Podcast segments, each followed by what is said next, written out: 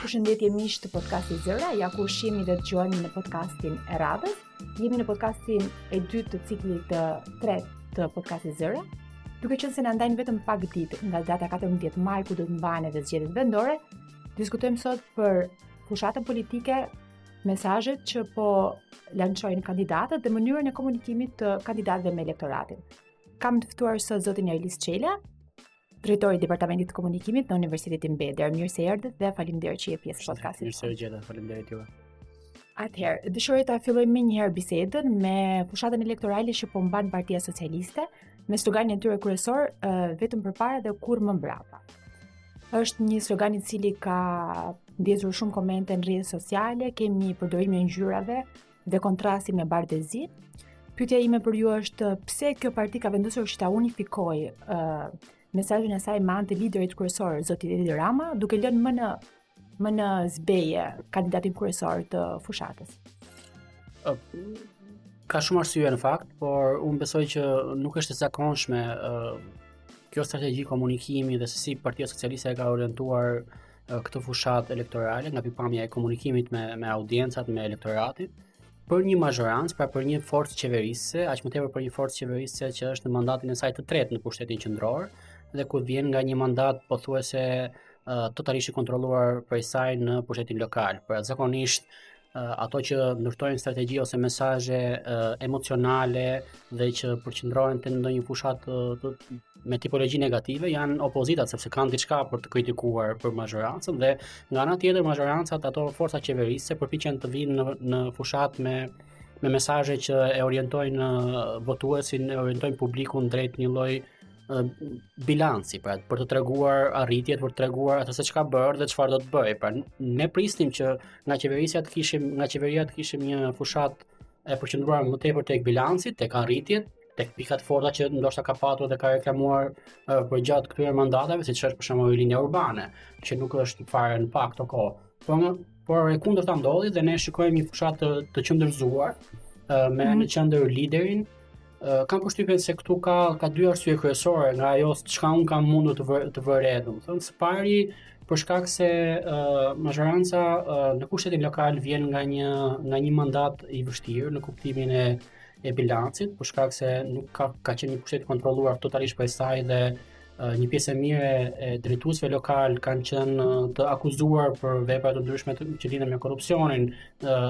Disa prej tyre kanë përfunduar edhe dhe në dyert e gjykatave dhe në burg, kështu që ka patur shumë diskutime për mënyrën se si po e ushtron pushtetin në nivel lokal Partia Socialiste. Kjo është një arsye që ajo ta mbajë uh, fushatën me një mesazh kryesisht politik të qendrëzuar te lideri. Arsyeja e dytë është llogaria që mund të ketë bërë Partia Socialiste për Në raport me kundërshtarët, për ta portretizuar të shkuar me dy kundërshtarët e zotit Rama, pra me zotin Berisha dhe zotin Meta, dhe pa pa dashur ose duke bërë qëllimisht të të fokusuar mesazhin te këta dy liderë le në hije në një farë mënyrë alternativën qeverisëse që paraqet opozita. Pra ju nuk keni dëgjuar shumë për platformat e kandidatëve të, të, të opozitës apo të mazhorancës, sepse nuk ka kohë, publiku nuk është i njohur me këtë, nuk i lihet hapësirë për të për të folur se cila është alternativa e njërës palë apo tjetrës për menaxhimin e mbetjeve për shembull ose për menaxhimin e ujit, ndërmarrjeve të ujësjellësave, që, që është një problem shumë i madh për qytetet. Ë, është e qëllimshme është problematike kur e shikon nga këndvështrimi i qytetarit, sepse nuk arrin dot të shquajë, të dallojë, të bëjë një analizë krahasuese racionale për ato që i ofrohen, por synohet të orientohet drejt uh, një mesazhi tërësisht politik që nuk është i natyrshëm për zgjedhjet lokale. Po muzika tallava që është përdorur, mendon se është pak shpërqendruese, duket sikur publiku uh, hidhet në atë harenë e muzikës dhe harron faktikisht mesazhin që është elementi kryesor i po, fushatës. Sigurisht, unë mendoj që të gjitha këto janë elementë të një fushate të natyrës së spektaklit, që përpiqet ta zhveshë ligjërimin publik, ligjërimin politik në fushatë nga thelbi dhe ta orientojë drejt sipërfaqësores, drejt imazhit, drejt element elementëve të turbo folkut, pra ku uh, kjo do të ishte më e natyrshme për një fushatë marketingu për një kompani që synon një audiencë ose një target të caktuar të audiencës dhe uh, qëllimi është tërësisht komercial, pra për të kapur atë audiencë që do atë produkt, por nuk është e natyrshme kur vjen puna për uh, për të përcjellë një mesazh uh, që ka të bëjë me me zgjedhjet uh, lokale apo me zgjedhjet politike. Uh, Në përgjithësi Partia Socialiste na ka mësuar në këto uh, vite, domethënë të paktën dekadën e fundit se tani jemi në 10 vjeçarin e qeverisjes në nivel qendror, uh, drejt fushatave pa thelb, drejt fushatave ku nuk diskutohet uh, për nuk diskutohen problematika dhe çështje që i interesojnë uh, shumë qytetarit, por e orienton në mënyrë të qëllimtë diskutimin, debatin publik, atë që gëlon në atë që ne njohim si sfera publike drejt sipërfaqësores, pra drejt mënyrës se si vishet kryeministri, drejt mënyrës se si kërcen ai me gratë e moshuara në në fushatë apo drejt batutave. Ju e mbani mend fushata që janë bërë të famshme disa batuta kur ai cilësonte median si kazan apo kur fliste për timonin, për tepsinë dhe kush nga ne mban mend për shembull platformat apo programet e atyre fushatave? Askush. Dhe kjo është e rrezikshme. Por unë nganjëherë kur uh, shpreh kritikë ose bëj një analizë kritike ndaj kësaj forme të të bërit fushatë, uh, më duket vetja edhe ndoshta pak jashtë mode sepse duket se kjo është fushata fituese, të paktën nga pikëpamja e rezultatit. Duket sikur njerëzit e pëlqejnë. Ë uh, Nuk do thoja njerëzit e pëlqejnë sepse un jam kundër kësaj qasje, më duket një kurth ky që janë futur qytetarët, ë uh, dhe janë futur në mënyrë të qëllimshme. Pra, Të qenit perfekt në djallëzi nuk është ndonjë gjë e madhe dhe unë mendoj se këtu ke ka një perfeksion në djallëzi. Edhe kur kur flas për djallëzi e kam fjalën më shumë te te përpjekja e madhe, energjia, burimet njerëzore, burimet financiare që grumbullohen dhe fokusohen tek manipulimi. Se për shembull një një kandidat për kryet, ose një kryetar bashkie aktuale në një qytet të Shqipërisë, nëse nëse është i bindur te bilanci i tij, nuk ka nevojë të harxojë kaq shumë energji të fokusohet te kundërshtari, te tallavaja, te këngë të tipit të tilla që e çorientojnë publikun. Dhe. Unë mendoj që këtë punë uh, e bëjnë në mënyrë të qëllimshme për të manipuluar ose për të keqorientuar opinionin publik ose më saktë për të mos e lejuar fare të të, të logjikojë. Ju po ta shikoni gjithë mesazhi ose si mund ta përmbledhim ne strategjinë e komunikimit të Partisë Socialiste në këtë fushatë, me ç'kemi parë deri tani, mund të përmbledhet me një fjali, pra mesazhi është përqendruar që të prekë kordat emocionale të publikut. Nuk ka fare vend për logjikë. Nuk ka fare thirrje për të racionalizuar mendimin, për të bërë një lloj krahasimi. Ne jemi këta dhe kundërshtarët tanë janë këta. Ju vendosni tani kush janë më të mirë. Nuk është kjo logjika. Si mund ta prekim emocionin? Kush është emocioni më më më i thjeshtë për t'u për t'u prekur është frika. Dhe kjo është loja që bëhet. Pra frika është elementi që përdoret për të ndikuar emocionalisht një audiencë e cila nuk ka mundësi më pas që të të gjykojë në mënyrë logjike. E shihni të ngjashme thatë këtë taktikë edhe me vitet e tjera Unë mendoj se është e njëjta taktikë dhe që përsëritet në mënyrë të vazhdueshme nga fushatat qendrore tek nga fushatat politike për zgjedhjet qendrore tek fushatat lokale, në esencë e njëjta gjë. ë Domethënë kjo nuk e di se sa se sa analizohet së brendshmi nga nga kjo forcë politike se me siguri dhe aty ka njerëz që uh, vendosin, diskutojnë për strategjitë e komunikimit siç ndodh në çdo subjekt elektoral, në çdo çdo subjekt politik, por ajo që duket është që ka një konsistencë në mënyrën, ka një qëndrueshmëri në mënyrën se si duan t'i drejtohen shqiptarëve. Dhe nga pikpamja e një specialisti komunikimi, një eksperti komunikimi, unë do të thoja që kjo kjo është deri diku edhe fyese për për elektoratin. Pra, çfarë i themi ne elektoratit me këtë lloj strategjie komunikimi? Ne i themi elektoratit që ti nuk ke nevojë të mendosh. Pra ti nuk ka nevojë të pyesësh se çfarë është bërë për shembull me premtimet e vitit e zgjedhjeve të kaluara, fushatës kaluar. Ti mjafton që të fokusohesh te ideja se kundërshtari është më i keq se sa ne dhe këtu mbaron çdo gjë. Pra deri diku kjo kjo ndodh kjo me këtë mund të mund të shpjegojmë edhe faktin që ne nuk kemi debate për shembull debate ku mirëfilli përballen uh, alternativat kundërshtare dhe në mënyrë të vazhdueshme kjo është refuzuar nga Partia Socialiste nga kandidatët për për bash, kryetar bashkie të Partisë Socialiste apo nga kryeministri vetë, pra ai e injoron kundërshtarin. Pse e bën këtë? Duke injoruar kundërshtarin, nuk i lë mundësi publikut fare që të bëjë një lloj krahasimi midis alternativave. Edhe në një farë mënyrë e fyen atë sepse në mënyrë të tërthortë i thotë elektoratit qytetar që ti nuk je i zoti të vendosësh vetë se kush është alternativa më e mirë. Ti mjafton të vendosësh kush është më e keqja, domethënë dhe kjo kjo është një fatkeqësi domethënë. Duke folur edhe për programet, Partia Socialiste nuk e ka publikuar ende një program të saj, qoftë në takimet me elektoratin, por edhe në rrjetet online. Shikojmë që shpesh zoti Veliaj thotë se ka nevojë për kohë për përfunduar punët që tashmë i ka nisur, por nuk ka asnjë program të publikuar ndryshe nga Partia Demokratike apo ndryshe edhe nga Lëvizja Bashkë, të cilët tashmë e kanë publikuar një program të tyre me disa pika kryesore. Si komentoni këtë? Po, po besoj se është e njëjta logjikë, pra në Partinë Socialiste kam përshtypjen se shumica e atyre që drejtojnë, që vendosin për këto gjëra, janë të bindur që uh, zgjedhjet fitohen pa program. Në fakt fushat fushatat që ata kanë bërë mund të kenë çuar në këtë përfundim, pra që ne kemi fituar fituar deri tani vetëm me batuta, domethënë, vetëm me elemente spektakli, atëherë pse duhet të bëjmë programe? Nuk ka nevojë për të bërë program. Madje neve nuk duhet lëmë asnjë moment njerëzit që të mendojnë se çfarë u kemi thënë para 4 viteve. Pra shikoni ju përpjekjen e madhe që bëhet tani për shembull për të mos u diskutuar çështja e transportit publik. Sepse në këtë Tiranë që jemi, ë, uh, domethënë dy mandate të zotit Veliaj dhe tre mandate të zotit Rama, uh, i thonë më shumë se 20 vjet uh, qeverisje të të, të qendrës më të madhe ekonomike, kulturore, sociale të Shqipërisë, pra të Tiranës. Dhe në këto 20 e ca vjet që qeveriset në pikëpamje lokale ky qytet, ne vazhdojmë të kemi një transport publik mizerabël, pra jemi i vetmi kryeqytet në Evropë ku ti hipën në një autobus publik, të transportit publik dhe ti duhet të shtrëngohesh me fatorinon aty, domethënë ku në çdo qytet të rajonit apo të Evropës ndodh kjo. Minimalisht një biletë elektronike duhet ishte bërë deri tani. Por nuk ka nevojë të diskutohet fare kjo, edhe aty mendohet se duke duke u përqendruar te disa batuta te te te elementet e spektaklit, për shembull, shikoni ju kush po e uh, kush po e mbështet publikisht uh, zotin Veliaj. Po e mbështesin këngëtarë, apo jo? Ishte edhe një pyetje e radhës faktikisht uh, për të parë pak mënyrën se si ata çojnë këto figura me publikun. Për shembull, zoti Erion Veliaj gjithmonë uh, përdor figurat e njerëzve të njohur për të treguar mbështetjen e tyre ndaj tij, Ndërsa kandidatët e tjerë kanë zgjedhur një formë ndryshe, për shembull zoti Belind Këlliçi shikojmë që është më afër periferisë apo zoti Arlind Qori është ai që shprehet se bën vazhdimisht fushatë në këmbë dhe me autobuz. Si e shikoni këtë si taktikë, siç është e mundësish? Uh, unë mendoj që sigurisht që është një taktikë. Uh, shikoni, nëse ne do bëjmë një analizë dhe të shikojmë profilin e njerëzve publikë që të paktën i kanë dalë deri tani hapur uh, dhe kanë mbështetur punën e dhe kandidaturën e zotit Veliaj, ju do të shikoni që janë kryesisht njerëz spektaklit pra. Në fund fund në fund fundit çfarë lidhje ka Rita Ora me zgjedhjet lokale në Tiranë? Por Rita Ora ka qenë në një farë mënyre klient i Bashkisë së Tiranës sepse është paguar një koncert për të ashtu siç paguar për këngëtarë të tjerë dhe vazhdimisht paguhet pra.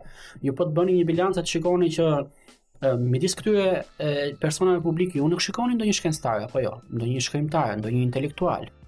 S'ka nevojë të ketë të tillë, duhet vetëm njerëz spektakli, sepse ata i drejtohen asaj pjese të publikut që nuk ka nevojë të lexojë, nuk ka nevojë të mendojë, pra thjesht duhet të shikojë, duhet duhet bëhet pjesë e spektaklit. Shikoni, mua më bën përshtypje një gjë dhe e kam bërë uh, pyetje pyetje me veten dhe dhe dhe herë të tjera.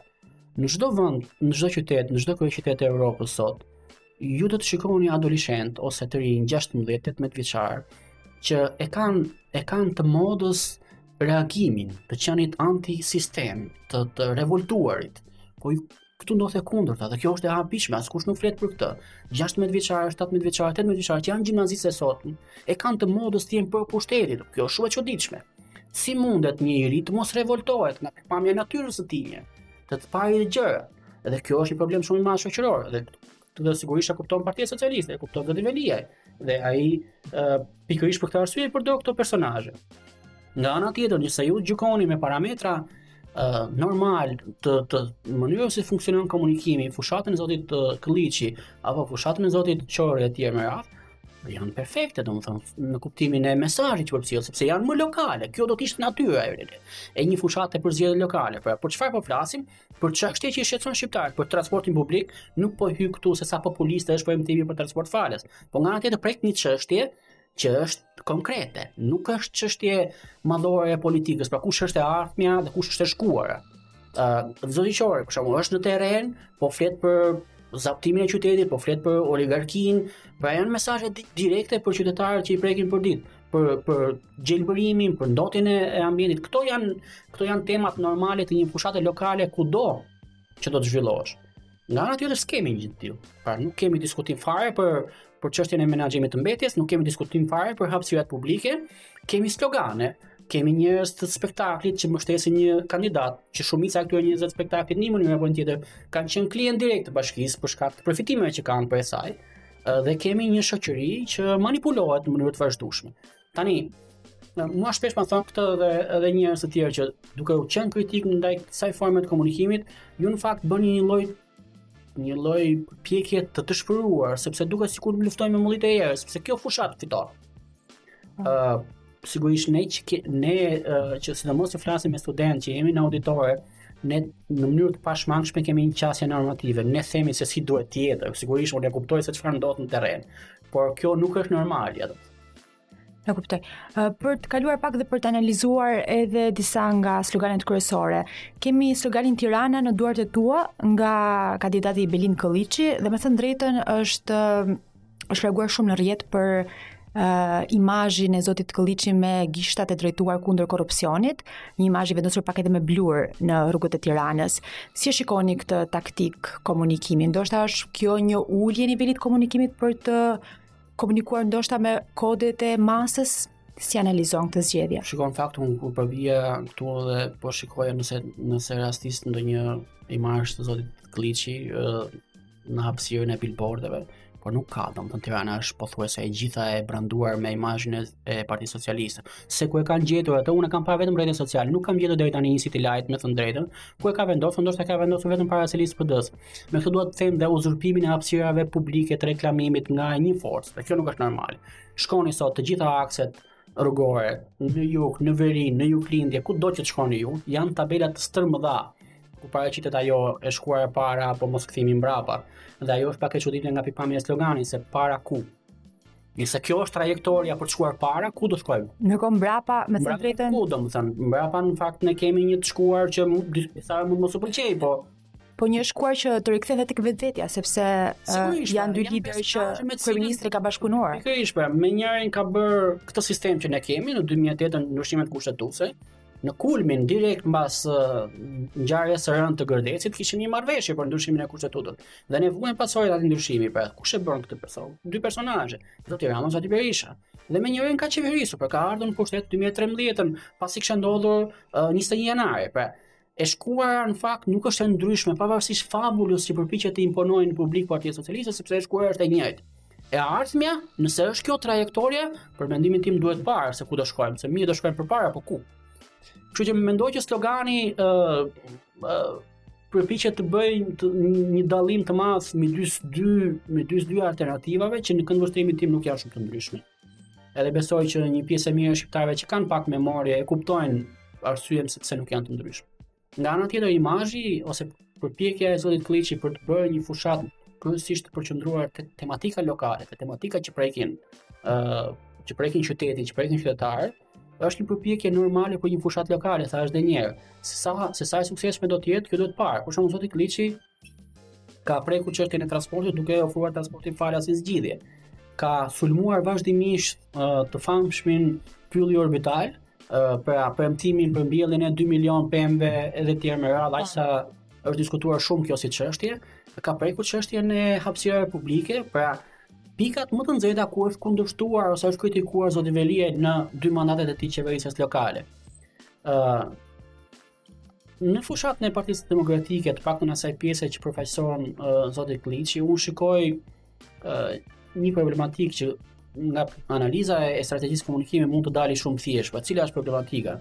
Uh, ka një konfuzion në mesazhin që të përcillet t'i japi t'i japi elektoratit. Nga njëra anë është një fushatë reaguese, pra që përpiqet të ndërtojë mini strategji ose taktika të ndryshme që i, që i kundërvihen ligjërimit të kundërshtarit, pra po ta shikoni dhe çështja e gishtit është një lloj është një lloj përpjekje për t'iu për t'iu kundërvënë gjuhës së, së kundërshtarit. Nga ana tjetër, domethënë në hapjen e fushatës ju e mbani mend që zoti Rama e, e bullizoi zotin Këlliçi duke përmendur edhe elementë që kanë të bëjnë me me me ngjyrën e tij të, të lëkurës e tjera që janë të absurde.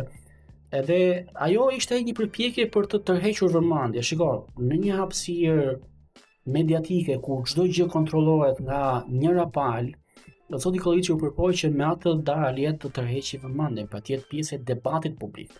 Deri këtu ia ka arritur. Ia doli le të themi. Ia doli si, si sigurisht dhe sulmi që kishte nga pala tjetër në një farë mënyrë e e e justifikonte këtë.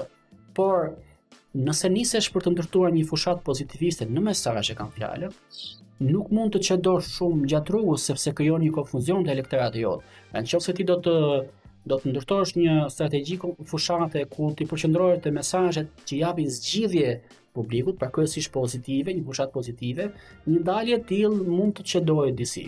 Sigurisht ata kanë bërë kalkulimet e tyre, Po unë mendoj që në përgjithësi ë uh, fushata e zotit Këlliçi përveç faktit që është e përqendruar te tematika lokale, vuan shumë nga kompleksi i, uh, që lind nga debati i brendshëm i, i në në, në opozitë. E po ta shikoni të bëni analizë, ju e vini re që një pjesë të kohës që ai shpenzon në publik, është i detyruar ta shpenzojë duke shpjeguar që në fakt PD-ja sipas tij nuk është e ndarë, nuk ka një problem, pra është një një ligjërim mbrojtës, pra që përpiqet të justifikojë diçka, të të mbrojë veten përballë akuzave që vijnë nga kjo. Dhe kjo vlen dhe për zotin Beko në fakt. Po ta shikoni, shumica e kohës që ai shpenzon në publik është për të thënë që se si ai, domethënë, po ia del në këtë situatë ku Partia Demokratike është e ndarë, se si ai po lufton kundër person, personazheve të keqes madhe që është Rama, Berisha dhe Meta, pra opozita në të në daljet e saj në strategjinë e saj të komunikimit me publikun është në një është një pozicion mbrojtës në fakt nuk do të ishte kështu domethënë po kjo është për shkak të problemit situatës po ë uh, ishte në fakt edhe pyetja e radhës uh, zoti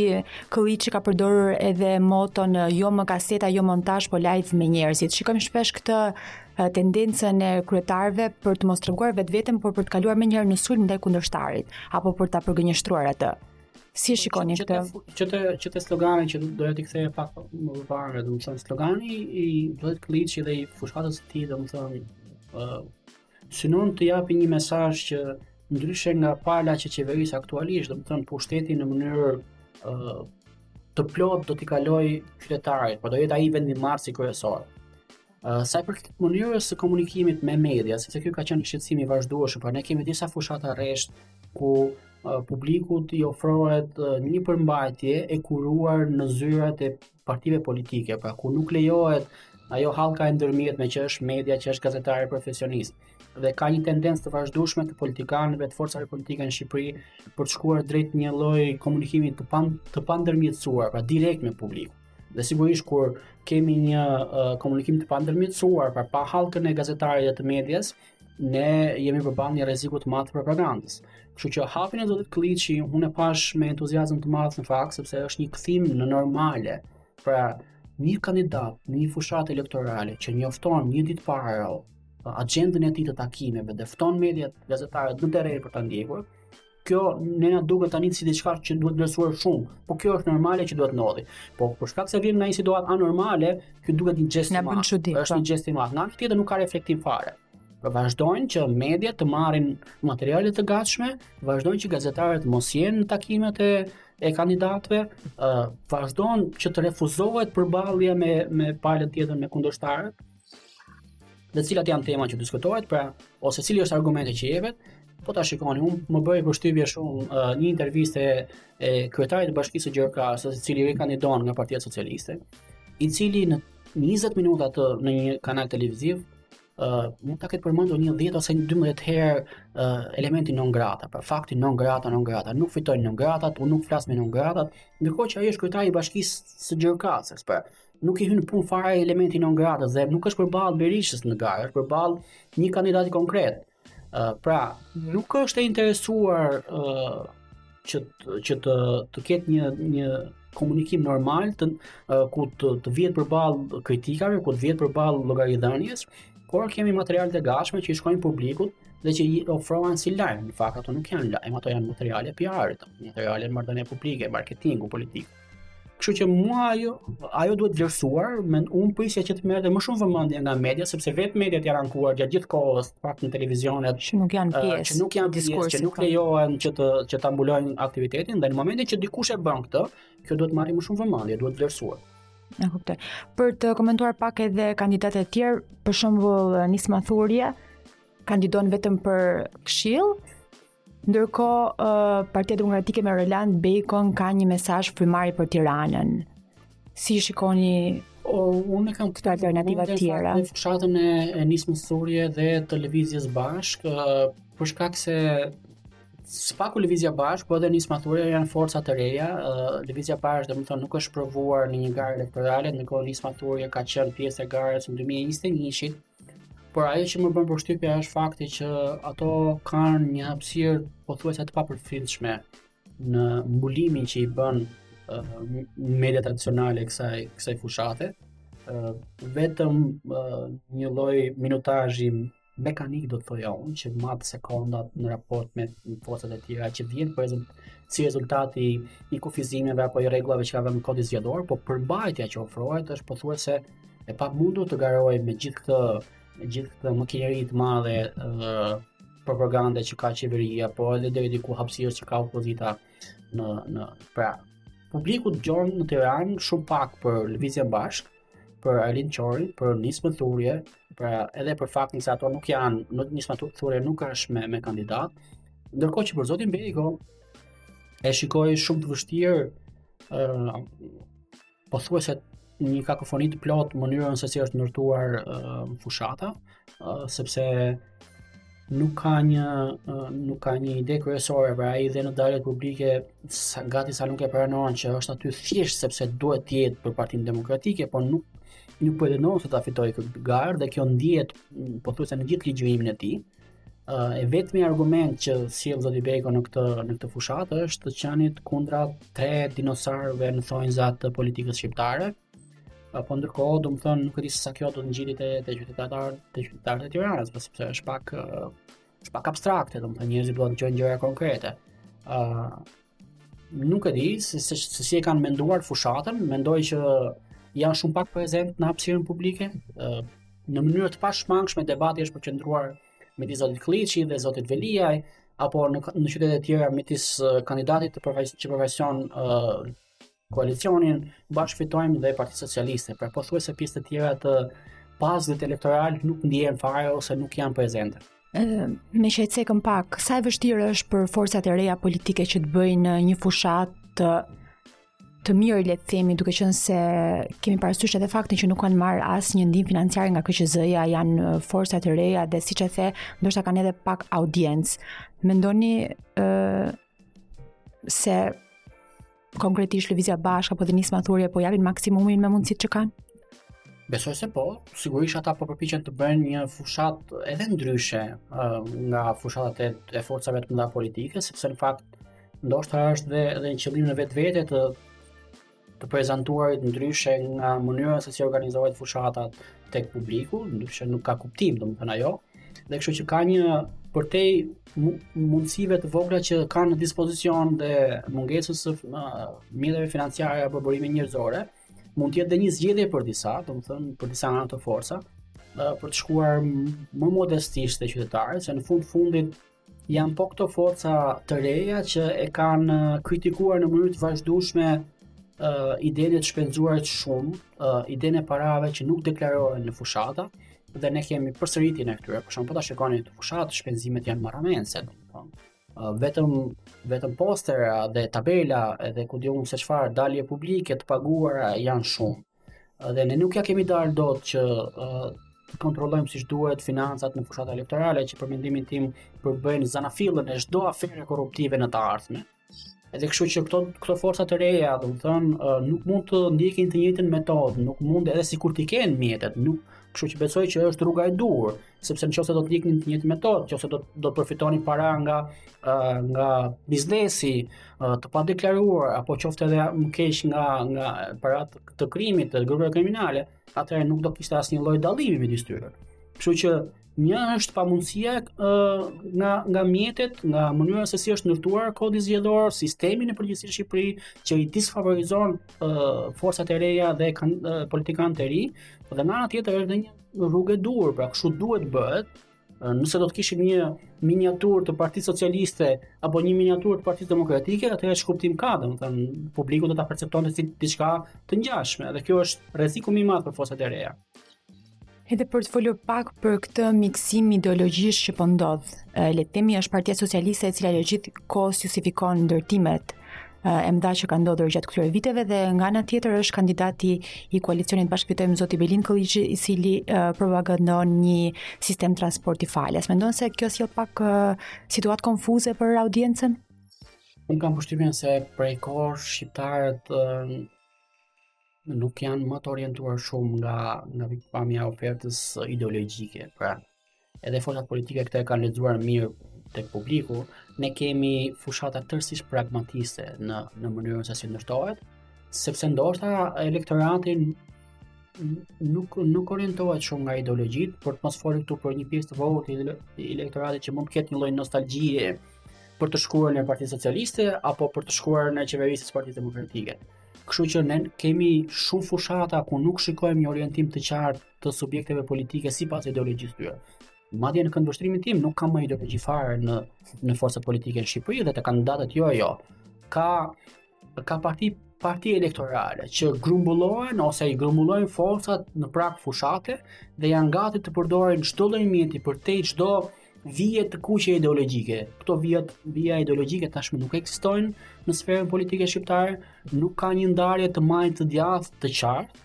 Ë uh, kjo jo për shkak të rrymave që vijnë drejt qendrës siç kanë qenë prej kohësh në politikën evropiane apo perëndimore, po tërësisht për shkak të pragmatizmit, tërësisht për shkak të uh, të, të taktikave që synojnë zgjidhjen e problemit, maksimizimin e, forta, e forcave në në fushatë elektorale dhe arritjen e, e rezultatit maksimal.